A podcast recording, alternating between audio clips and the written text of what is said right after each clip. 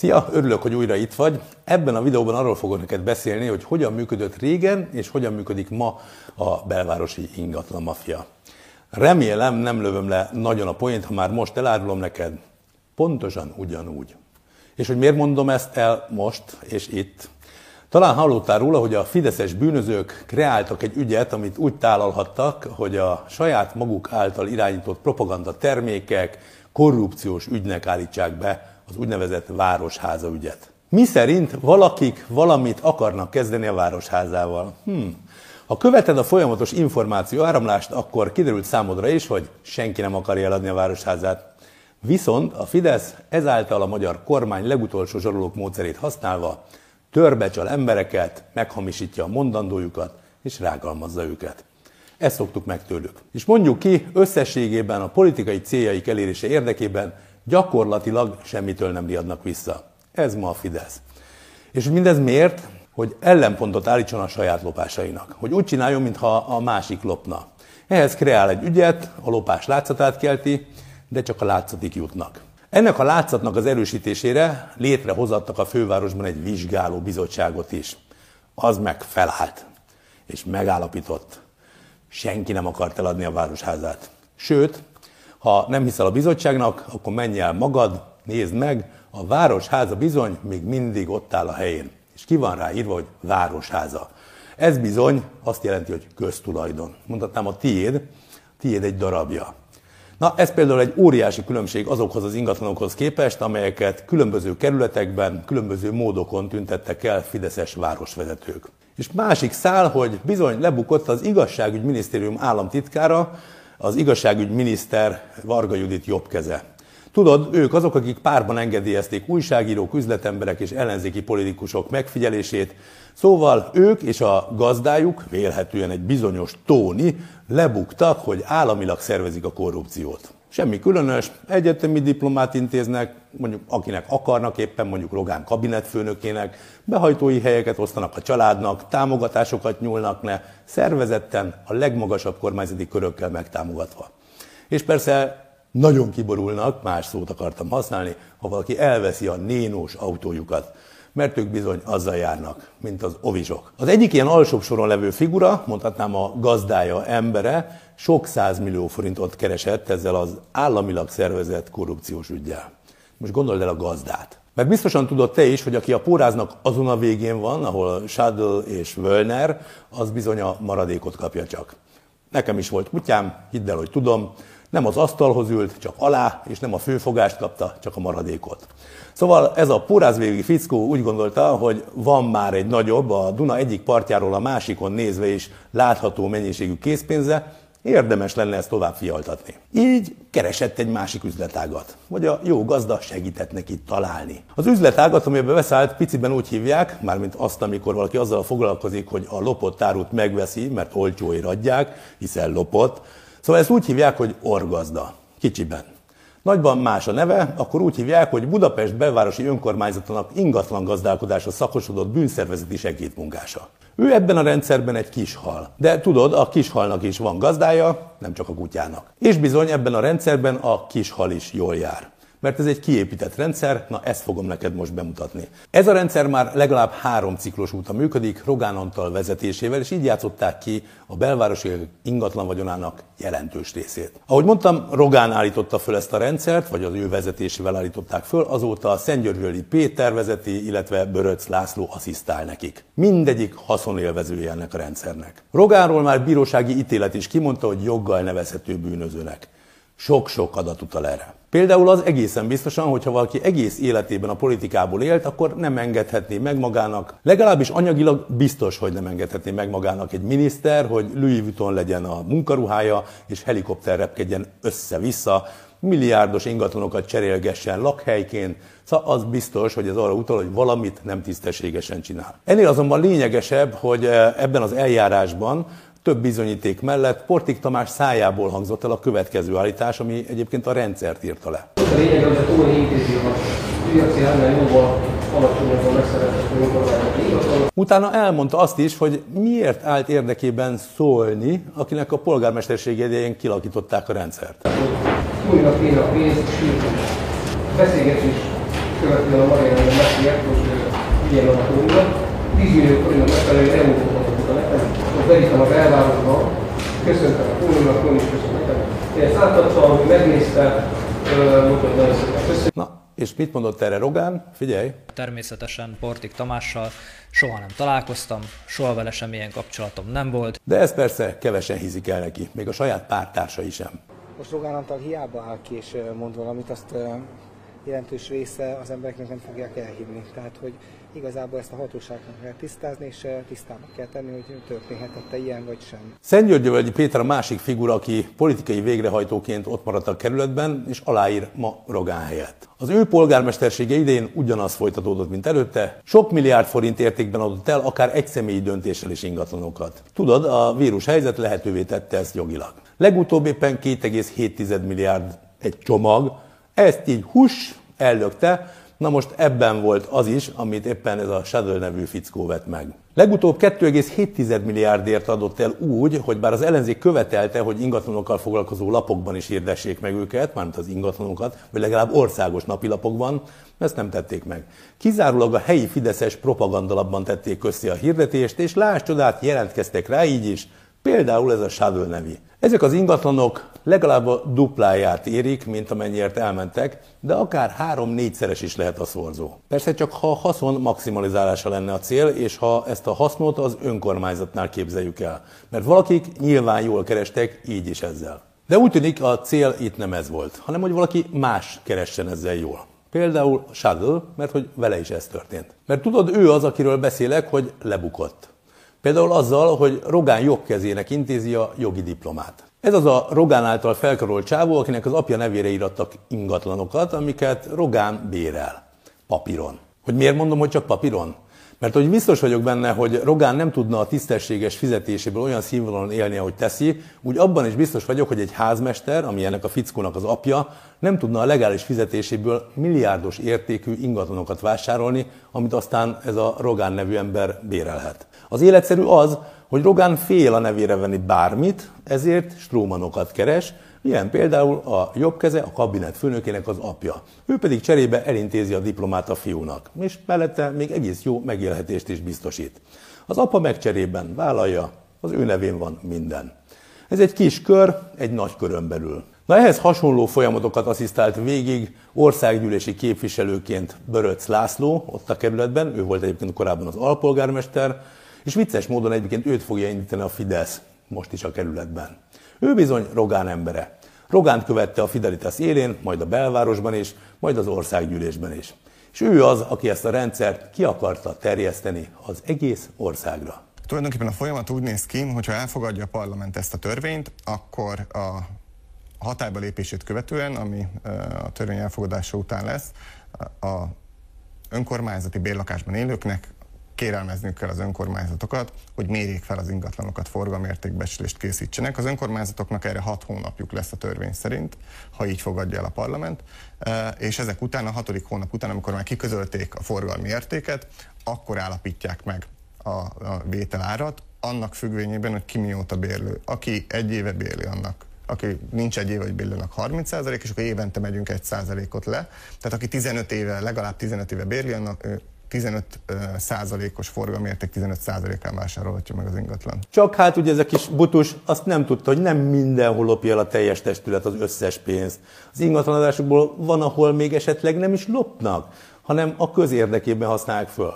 Böröc ezt nem tudhatta, hiszen Rogán nem így nevelte ki. Ezért nagyon meglepődött, hogy még fideszes polgármesterek is, mondhatnám erősen felszólaltak ellene, olyan elementáris ellenállásba ütközött a javaslata, hogy vissza kellett vonnia. Most arra hajt a helyi Fidesz, hogy ez a csávó, Böröc László legyen az országgyűlési képviselő.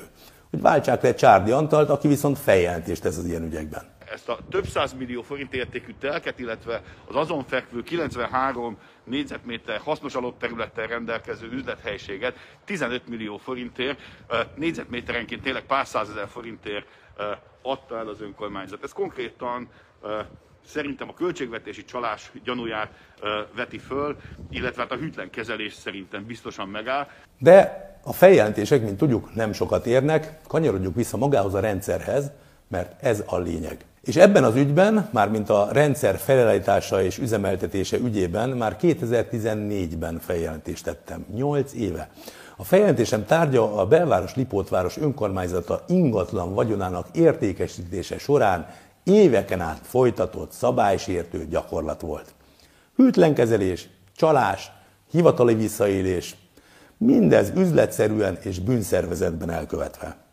Ez összességében különösen jelentős hátrányt okozott az önkormányzatnak, hogy jogi nyelven mondjam, kárt szenvedett a magyar állam, az állampolgárok, te magad is. És bizony sokkal fontosabb magának a komplet modellnek a megértése, mint az egyes kirakadott, bár valóban irritáló esetiki példák. Az elkövetői kör egyes tagjai, Rogán, Böröc és a Slep olyan magas szintű közgazdasági és jogi szakértelemmel és nem utolsó sorban döntéshozatali pozícióval rendelkeznek, ami lehetővé tette számukra, hogy a törvényesség látszatát keltsék. Később ezt a látszatot támasztják alá a modellen belül az egyes, egyébként valóban törvényes ügyletekkel. Mármint, hogy ezek szerint törvényesek. A rendszerben mindenkinek, illetve mindenek megvan a szerepe, funkciója, és ez mind-mind azt szolgálja, hogy a végrehajtó emberek elérjék a céljukat, tehát, hogy hozzájuk jusson a közvagyon. Elmondom neked öt pontban, hogyan működött ez a modell Budapest belvárosában, Rogán Antal, Szentgyörgyvölgyi Péter, Böröc László vezetése alatt. És hogy, hogy működik ma is. Egy önkormányzatot az ingatlanai tekintetében úgynevezett gazdálkodási kötelezettség terhel. Ez a gazdálkodási kötelezettség kiterjed az ingatlanok kezelésére, értékesítésére, illetve mindezen tevékenységek tervezésére is. Ez az első nagyon fontos lépés. A tervezés célja az ingatlanokkal kapcsolatos bevételek és kiadások alakulásának meghatározása. Az önkormányzat itt ebben az esetben ingatlan gazdálkodásról semmit nem tett. Nem tervezett előre.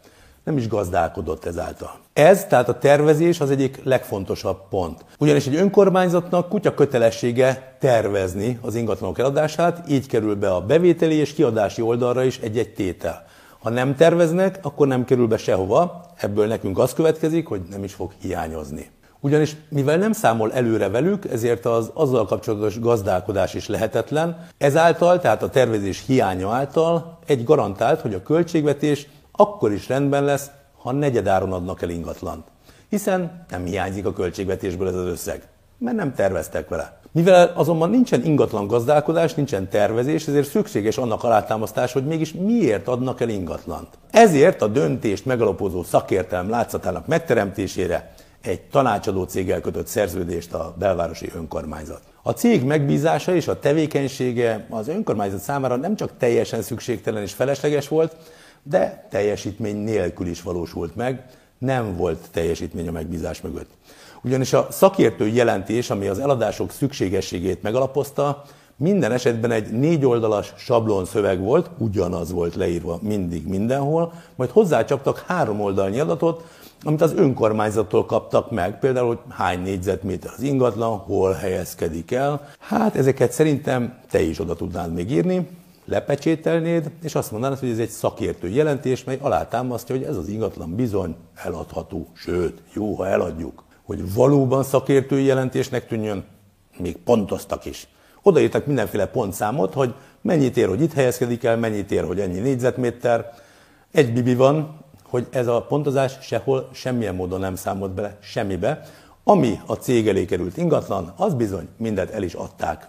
Tök mindegy, hogy mi volt ráírva a papírra.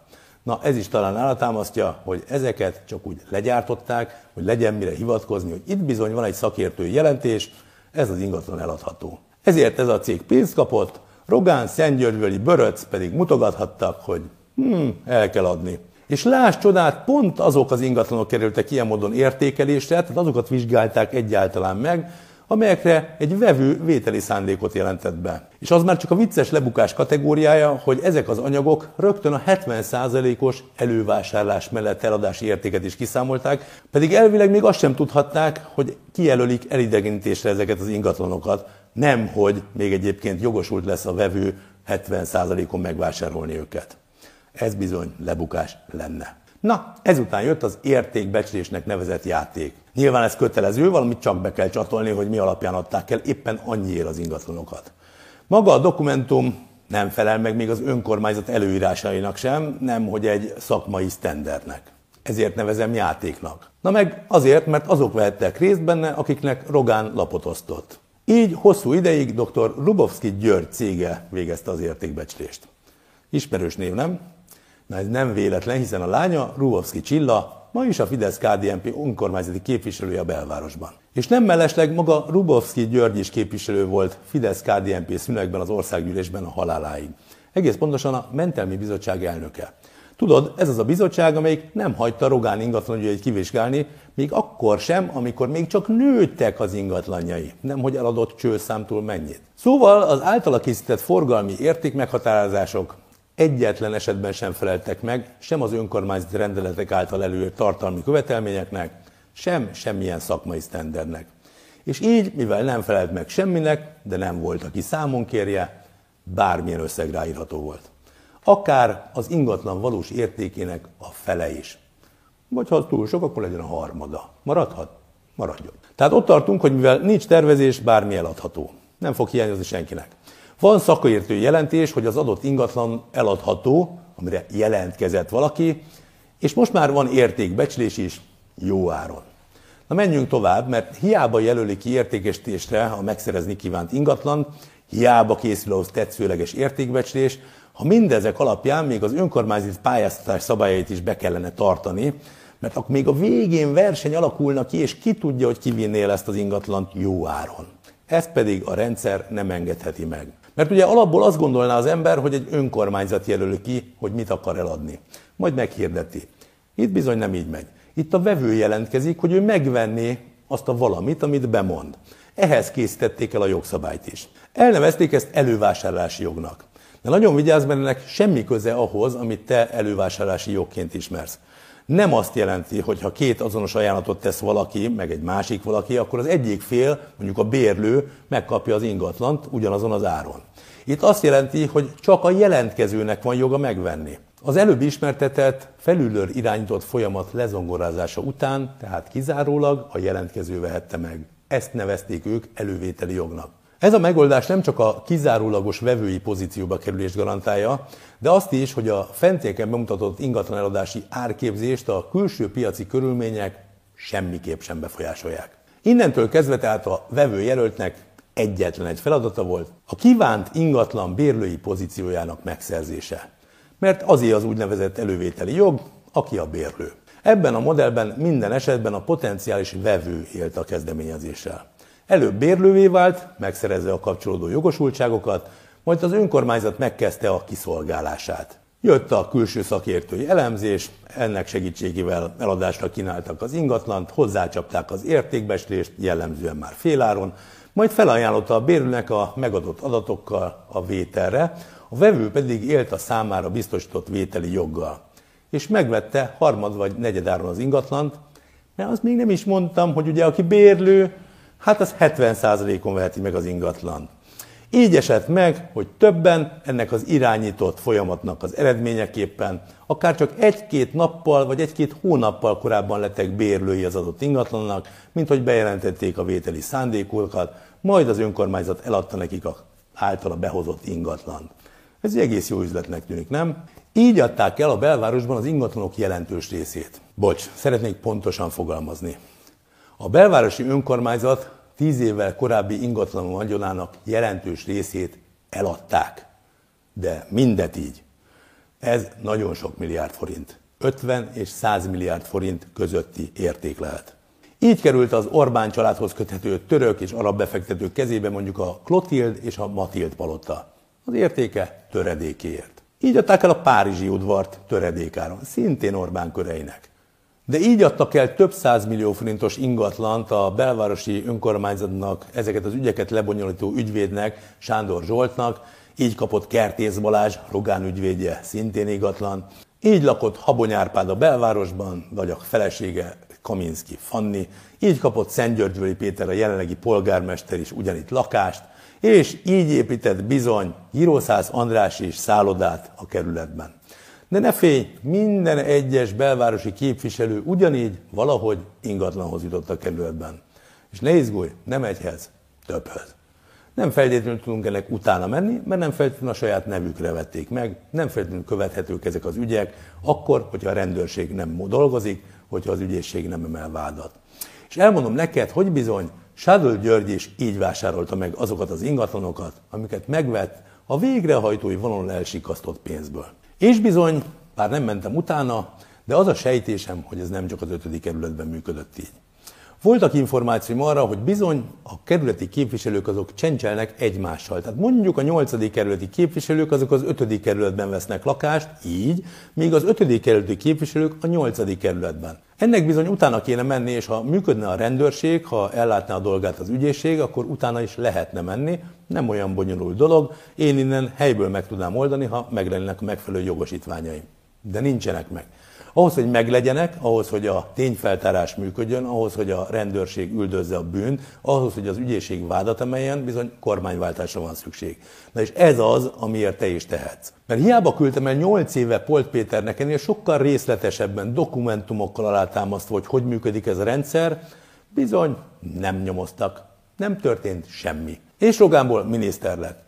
Orbán az ilyen embereket emeli magasra, hisz itt is igaz, ami a vidéki választókretekben elmondható, hogy valójában az ő érdekét képviselik ezek a mi haszna elszelen haszonlesők, a nagyot Orbán kaszája, utána nyilván jön Rogán, utána pedig a bőröc típusú segnyalók, egészen sádalig. Amerre csak járok az országban, hasonló módszerrel lopnak el mindent. Ingatlan, földet, erdőt, uniós forrást, az adódat, mindent, ami mozdítható, meg ami nem mozdítható, azt is. Mert hogy ez a rendszer maga. Ezt már 2015-ben elmondta Lánci András Orbán egyik ideológusa, tőle idézek. Amit korrupciónak neveznek, az gyakorlatilag a Fidesz legfőbb politikája. Ezen azt értem, hogy olyan célokat tűzött ki a kormány, mint a hazai vállalkozói réteg kialakítása, az erős Magyarország piléreinek a kiépítése vidéken vagy az iparban. Ez politikai nézőpont, itt valójában a korrupció szó mítikussá tételéről van szó, fogalmazott Lánci András.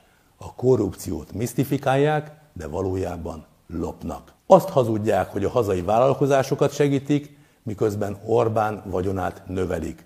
Orbán vagyonát kezeli egy szűk kör, amelyik a nevére hajlandó venni. Tiborc, Mészáros, és fel nem sorolom őket, majd sorolja a bíró, amikor ítéletet hirdet. Addig pedig Orbán folytatja ezt a politikát, nem kicsiben, nagyban, éppen olyanokkal szövetkezik, akik ugyanezt csinálják a saját népükkel, a saját országukban, a saját eszközeikkel. Putyin, Erdogán, egy kör Orbánnal. Na ezt kell leváltanunk. Nehéz lesz, de ha tudod, segíts benne te is. Én próbálok azzal, hogy elmondom a magam által ismert ügyeket, mint ezt, Kérlek, hogyha teheted, akkor támogasd ezt a tevékenységet, akkor tudok menni helybe is utazva, vagy el tudom mondani itt összeszedve. De támogass másokat is, akik azért dolgoznak, hogy kormányváltás legyen két hónap múlva. Támogass például a 20k.hu kezdeményezését, sőt, még jobb, hogyha jelentkezel te magad is szavazóköri delegáltnak, próbáljunk meg odafigyelni arra, hogy legalább a választások legalább azon a napon tisztán menjenek, mert erre sajnos ma nincsen garancia, amikor az állam áll szembe az ellenzéki pártokkal. Szóval támogass bárkit, akár munkával, akár megosztással, akár lájkkal, akár anyagilag. A lényeg, hogy vegyél részt ebben a munkában, akkor egy jobb országban fogunk élni. Én is ezen dolgozom, remélem te is.